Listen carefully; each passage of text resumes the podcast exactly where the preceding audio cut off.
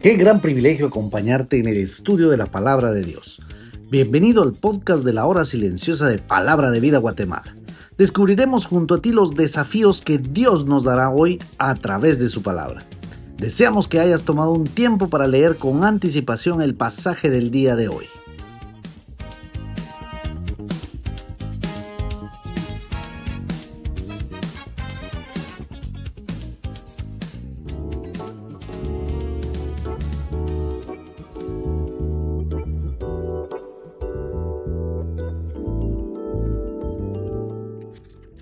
Hola, ¿cómo estás?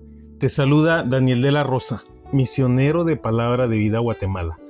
Qué privilegio es para mí poder compartir este devocional diario de la hora silenciosa.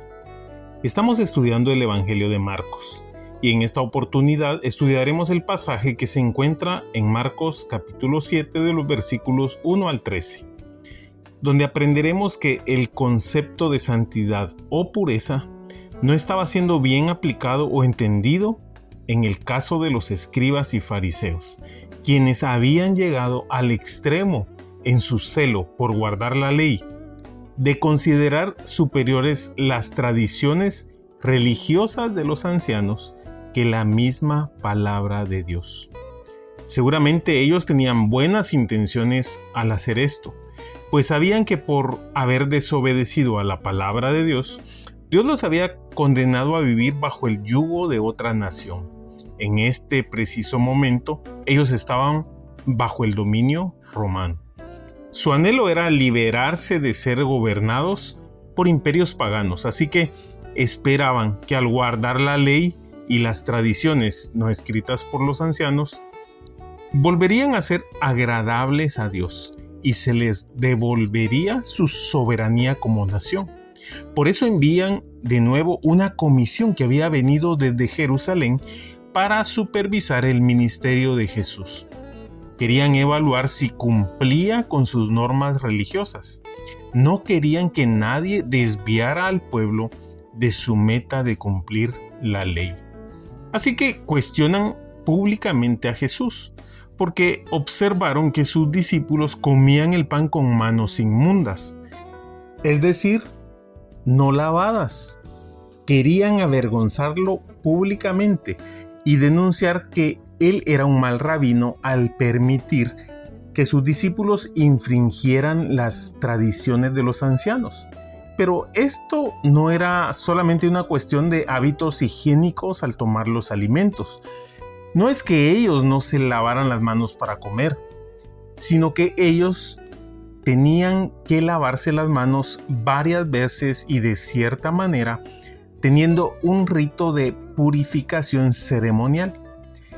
Este había sido un mandato exclusivo para los sacerdotes cuando estaban en el templo, en el momento de ofrecer sacrificios.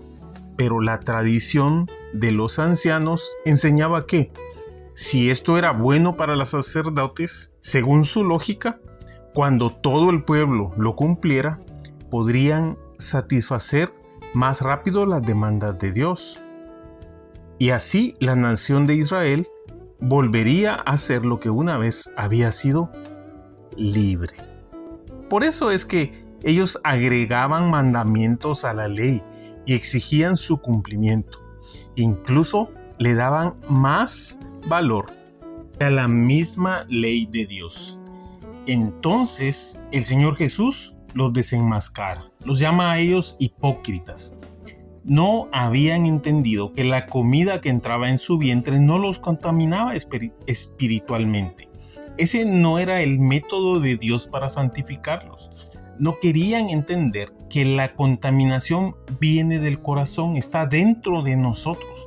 Y no existe tradición o rito que podamos hacer para hacernos puros delante de Dios. Y el Señor les repite esta contundente declaración hecha por Isaías. Este pueblo de labios me honra, mas su corazón está lejos de mí. Y este es exactamente el problema del hombre. Nos inventamos rituales para caerle bien a Dios. Queremos borrar nuestra culpabilidad por el pecado. Nos acusa la conciencia.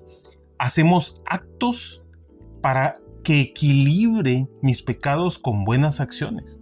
y nos engañamos a nosotros mismos como estos escribas y fariseos. Ellos creían que estaban sirviendo a Dios al acusar a Jesús. Estaban ciegos espiritualmente, con un corazón tan duro y equivocado, que rompían aún los mandamientos de Dios pensando que obraban bien. El Señor Jesús les da otro pequeño ejemplo de una de las leyes que ellos habían torcido. Si alguno decía que sus posesiones eran corbán, es decir, una ofrenda exclusiva para Dios, no se podía usar para nadie más. Entonces ellos ya tenían una razón para no ayudar a sus padres, porque lo habían consagrado a Dios. Y esto era una afrenta para Dios, pues no cumplían con el mandamiento de honrar a sus padres. En realidad, ninguno tenía la obligación de ofrecer esa ofrenda, el corbán tenían la obligación de honrar a sus padres, eso sí, pero como esto beneficiaba económicamente a los líderes religiosos, ellos también lo aprobaban. El pecado nos separa de Dios. No podemos quitarlo de ninguna manera, por más que cumplamos ritos religiosos. Nada nos puede hacer limpios delante de Dios. Examina tu corazón y ve si estás lejos de Él.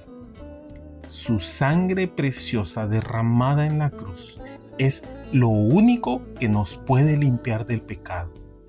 Tienes que creer en su sacrificio en la cruz, que Él pagó el precio de tu culpabilidad. Entrega tu vida a Dios. No le honres solo de labios, que tu corazón no esté lejos de Él. Mira, en Isaías 1.18 dice, Venid luego, dice Jehová, y estemos a cuentas. Si vuestros pecados fueren como la grana, como la nieve serán emblanquecidos. Si fueren rojos como el carmesí, vendrán a ser como blanca lana. Por eso vívelo. Deja de vivir de apariencias. Eso es hipocresía. Vive caminando cada día cerca de Dios. El Señor te bendiga.